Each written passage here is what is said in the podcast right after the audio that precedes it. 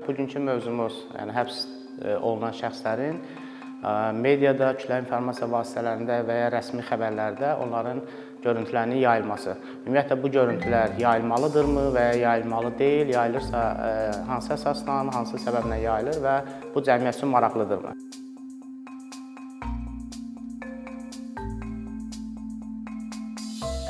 Mətbuatda bəzən biz tez-tez şahid oluruq ki, kütləvi informasiya vasitələrində hansısa bir həbs olunan ya cinayət qaydasında və ya inzibati qaydada həbs olunan şəxslərin görüntüləri yayılır. Məsələn, ötən il daha çox bu yayılmaların şahidi olmuşduq.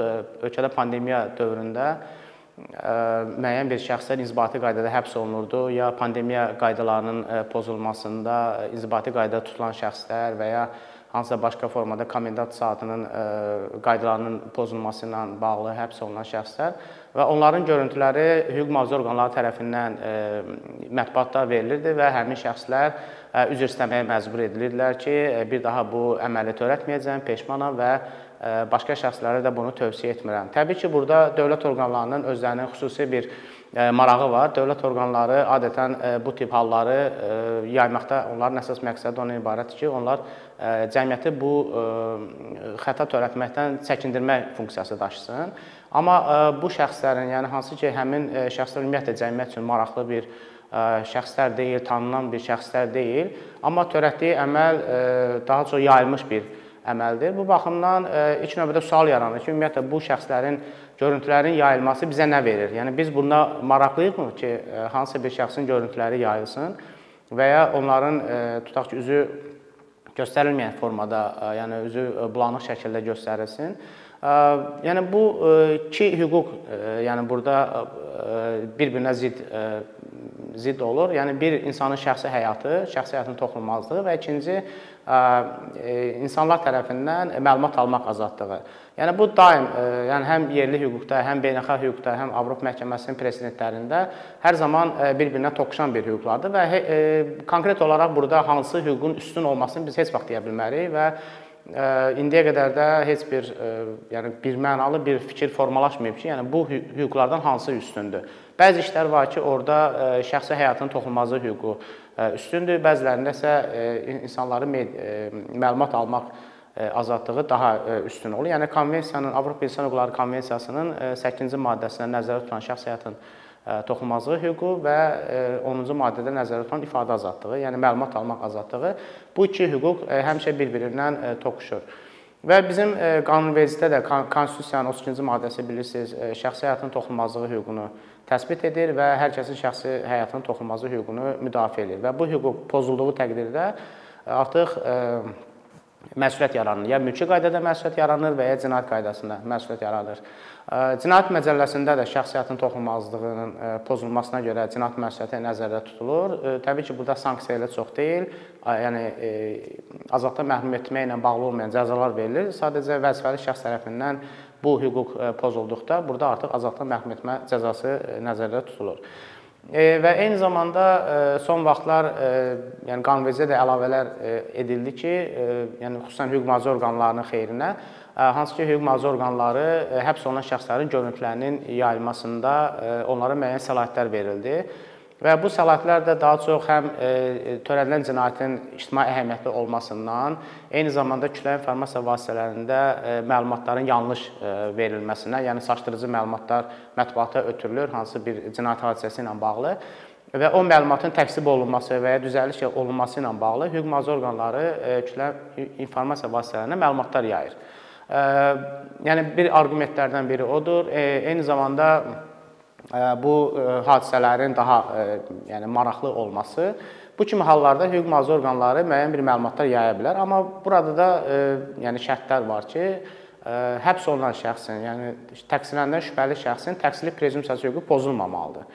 Yəni eyni zamanda bu cinayət prosesinin fəaliyyətindən kənara çıxmamalıdır. Sadəcə ibtidai araşdırmanın aparıldığı və onun topladığı sübutlar çərçivəsində olmalıdır. Eyni zamanda şəxslərin şəxsi həyat sirri pozula bilməz və bu şəxslərin şübhələndiyi əməl həddində olmalıdır. Məsələn, mətbuatda bəzən e, görürsüz ki, e, ya məsələn kimisə foto şəkli yayılır və ya video görüntüləri yayılır və göstərir ki, filan e, cinayət əməli törədən şəxs, məsələn, qonşusunu baltalayan şəxs həbs olundu, onun görüntüləri yayılır. Bu təbii ki, həmin şəxsin təqsirli prezumpsiyası hüququnun pozuntusudur. Və həmin şəxsin e, görüntüsünün göstərilməsini e, biz müzakirə etsək, e, yəni həmin şəxsin tutaq ki, qonşusunu baltalayan şəxsin görüntüsü yəni bizə lazımdırmı? Biz həmin şəxsin bilməliyikmi ki, məsələn, konkret hansı bir binada yaşayan şəxs qonşusunu baltalayıb və ya bıçaqlayıb öldürüb.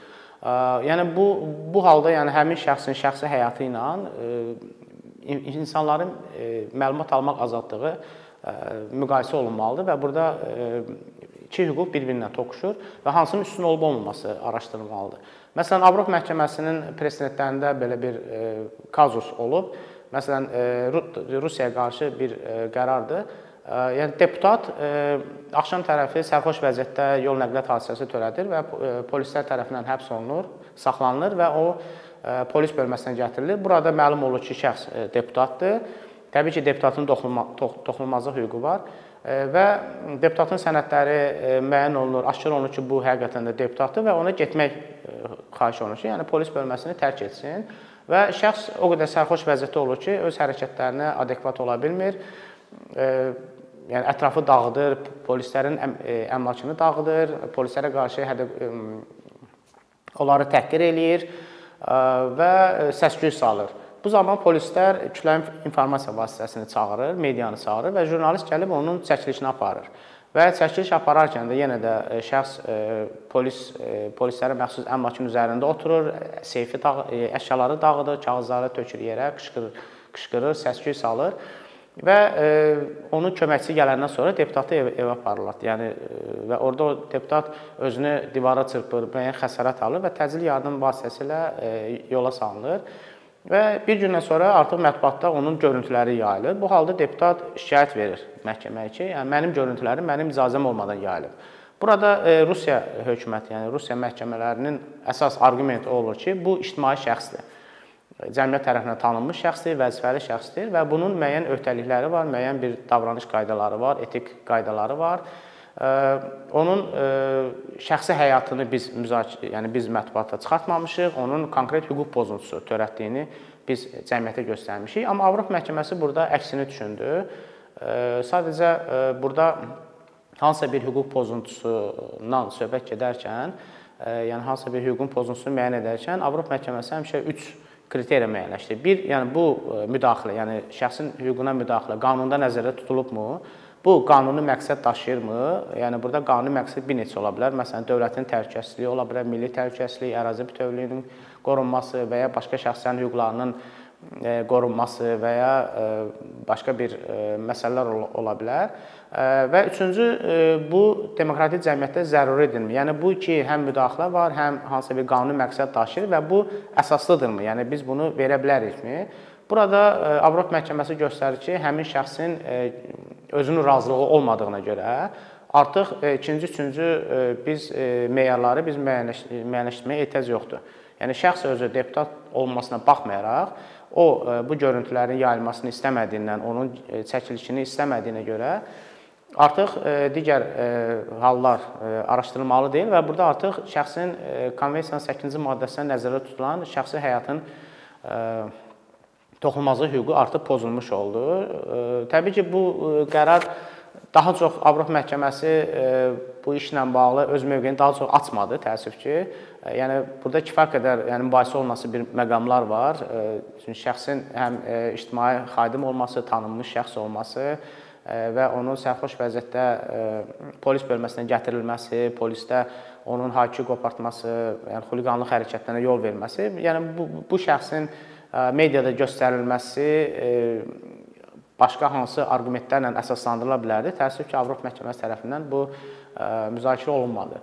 Və ya məsələn başqa bir Avropa məhkəməsinin qərarları var ki, hansı ki, məsələn ictimai bir yerdə axşam tərəfi özünü öldürmək istəyən bir şəxs təsadüfən televiziya bir televiziya kanalının operatoru tərəfindən lentə alınır və e, o e, həmin şəxsin əlində bıçaq görür və e, dərhal polisə xəbər verir. Polis artıq gəlib həmin şəxsi götürür və bu növbəti gün mətbuatda yayılır, amma bu dəfə həmin şəxsin üzü düşmür.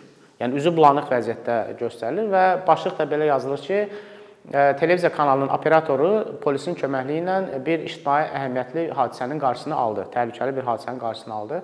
Və vətəndaş şikayət verir ki, baxmayaraq ki, orada mən üzü bulanıq vəziyyətdə düşmüşəm, amma mənim görünüşümə görə, görüntülərimə görə mənim dostlarım, qonşularım məni tanıyıb. Və burada Avropa məhkəməsi pozuntu faktını tanıyır. Göstərir ki, yəni şəxs ictimai yerdə olsa da, o hər hansı bir ictimai qayda pozmayıb.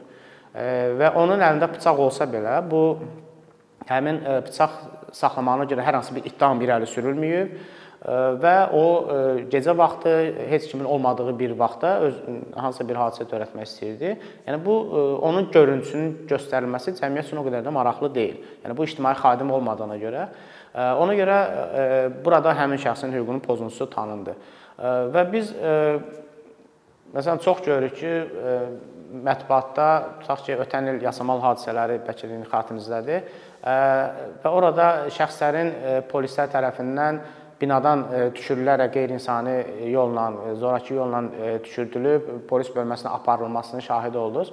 Və bu görüntülərin yayılması da təbii ki, polislərin onun bir gün əvvəl polislərə müəyyən bir zibil atmışdılar. Və həmin o zibilin atılması da mətbuatda nümayiş etdirilmişdir. Və insanları bu hadisələrdən çəkindirmək məqsədi ilə o videolar göstərildi ki, insanların gözünü bir növ qorxutmaq məqsədi ilə göstərildi. E, təbii ki, burada da e, yəni həmin şəxslərin üzünün göstərilməsi insanlar üçün maraqlı deyil. E, hansısa bir hüquq pozuntusu e, maraqlı ola bilər, cəmiyyət üçün maraqlı ola bilər, amma e, bu hadisədə insanların üzünün göstərilməsi, onların hansı formada polis bölməsinə aparılması onların hüquqlarını pozur. Təəssüf ki, e, Azərbaycanda e, yəni bu tip hallarda e, çox şikayət daxil olmur Avropa məhkəməsinə və ya ölkə məhkəmələrinə, yerli məhkəmələrə hər hansı bir şikayət daxil olmur. E, insanlar yəni bununla bağlı hər hansı bir şikayətlər vermirlər. Son vaxtlar daha çox hadisələr baş verir. Məsələn, narkotik vasitələrin qanunsuz dövriyyəsində həbs olunan şəxslərlə bağlı. Məsələn, müşahidə edirik ki, polis bölmələrində şəxsləri məsələn divar boyu düzürlər, onların üzləri göstərilir cəmiyyətə ki, bu şəxslər müəyyən bir narkotik vasitələrin qanunsuz dövriyyəsi ilə məşğuldur, ya istifadəsi ilə və ya satışı ilə məşğuldur.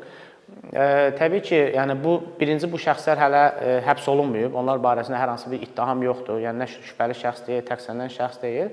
Sadəcə polis tərəfindən tutulub, gətirilib və artıq onların görünüşü mətbuatda yayımlanır.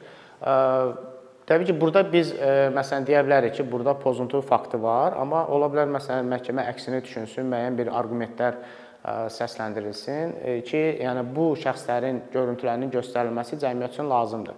Bunu da məsələn onunla əsaslandırmaq olar ki, ölkədə son vaxtda narkotiklə mübarizəyə qarşı narkotik narkotika qarşı mübarizə ilə bağlı daha çox tədbirlər görülür və insanları bu cinayətlərdən çəkindirmək niyyəti daşıyır. Eyni zamanda həmin şəxslərin həbs olunması həm digər yəni cinayətlərin qarşısını alır.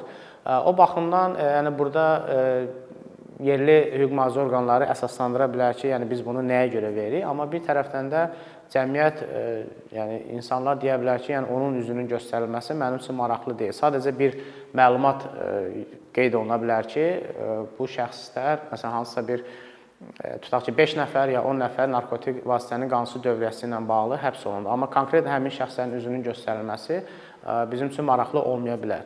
Ona görə də burada konkret olaraq biz heç vaxt deyə bilmərik ki, yəni şəxsin görüntüləri mütləq şəkildə göstərilməlidir və ya göstərilməməlidir. Yəni konkret bir hal yoxdur. Bu daha çox hər bir işin fərdi xüsusiyyətindən asılıdır. Yəni hər bir işdə biz müəyyənləşdirməliyik ki, həbs olunan şəxs kimdir?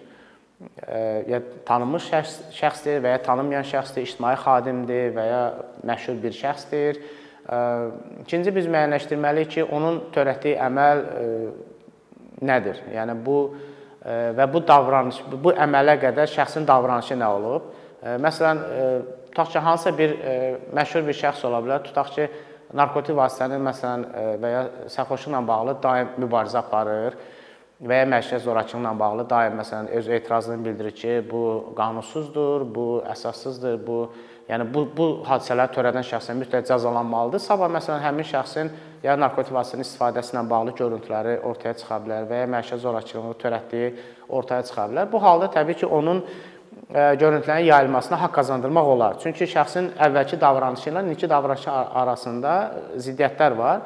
Bu baxımdan bu göstərilə bilər. Amma e, heç bir tutaq ki, adı hallanmayan bir şəxsin qəfildən tutaq ki, sərxoşluqla bağlı küçədə və ya e, hansısa bir e, ictimai yerdə və ya başqa bir yerdə onun görüntüləri çəkilir, yayılırsa, burada həmin şəxs etiraz edə bilər ki, yəni mənim bu görüntümün yayılması bu mənim şəxsi həyatımın e, toxunulmazlığı hüququnu pozur. E, o baxımdan yəni burada biz müəyyənləşdirməliyik ki, bu e, şəxsin əvvəlki davranışı ilə indiki davranışı arasında hansı fərqlər var və onun törətdiyi əməl e, əməllə onun davranışı arasında nə kimi fərqlər var. Eyni zamanda e, bu məsələ müzakirəyə qalxırsa, onun cəmiyyətə hansı töhfələr verəcəyi, hansı müzakirələrə səbəb olacağı e, araşdırılmalıdır. Yəni heç bir e, müzakirəsi olmayan bir hadisəsə, bu hadisəni biz yaymalı deyilik.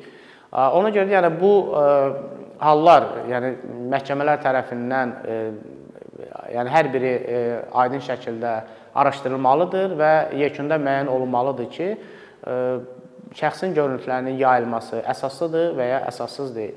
Ona görə də yəni e, yəni dəqiq bir e, ölçü meyarı biz müəyyənləşdirə bilməliyik və hansı hüququn əsaslı, üstün olmasını e, biz müəyyənləşdirə bilməliyik.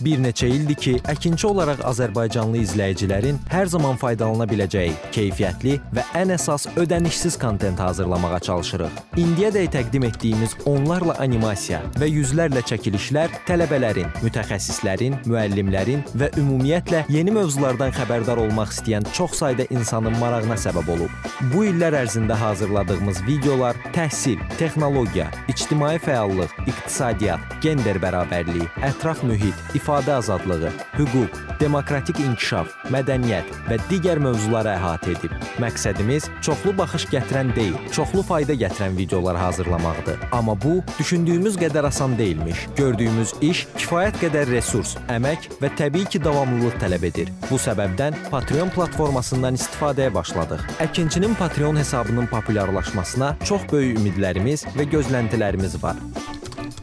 Bəziləriniz Patreon haqqında ilk dəfə eşidirsiniz. Əslində çox sadə izahı olan bir platformadır. Təsəvvür edin ki, siz rəssam və ya musiqiçisiniz. Sosial şəbəkələrdə sizi izləyən, işinizi bəyənən çox sayda insan var. Patreon platforması sizə imkan verir ki, izləyicilərinizin könüllü aylıq ödənişləri sayəsində işinizi davam etdirəsiniz. Sərgi, konsert zallarından asılı qalmayasınız. Amma bu təkcə rəssam və musiqiçilərə aid deyil. Məsələn, əkinçiyə bənzər fəaliyyətlə məşğul olan bəzi layihələrin 10 minlərlə patronu var. Biz də düşündük ki, nə üçün əkinçinin Patreon hesabı olmasın? Sizin dəstəyiniz sayəsində biz daha çox və daha keyfiyyətli kontent yaratmağa davam edə biləcəyik. Amma bu dəstək yalnız maddi dəstək deyil. Dəstəkçilərimizin sayının artması gördüyümüz işlərin faydalı olduğuna dair əminlik verir. Patreon platformasından istifadə çox sadədir. Hesabınızı açırsınız, sizə uyğun dəstək növünü seçirsiniz və Patreon özü hər ayın ilk günü kartınızdan seçdiyiniz dəstək növünə uyğun ödəniş tutur. Bu qədər. Sonda onu demək istəyirik ki, dəstəkçilərin sırasına qoşulmaq istəyən, amma məhdud imkana görə bunu edə bilməyənlər narahat olmasın. Daha öncə dediyimiz kimi, bizim əsas məqsədimiz daha çox insanın hər zaman faydalana biləcəyi keyfiyyətli və ödənişsiz kontentin yaradılmasıdır. Bunun üçün mütləq patronumuz patronumuz olmalısınız deyə məcburiyyət yoxdur. Amma imkanınız patron olmağa çatırsa və bizim işimizi bəyənirsinizsə, patronlarımızın sırasına qoşulmağınız bizim üçün çox önəmlidir.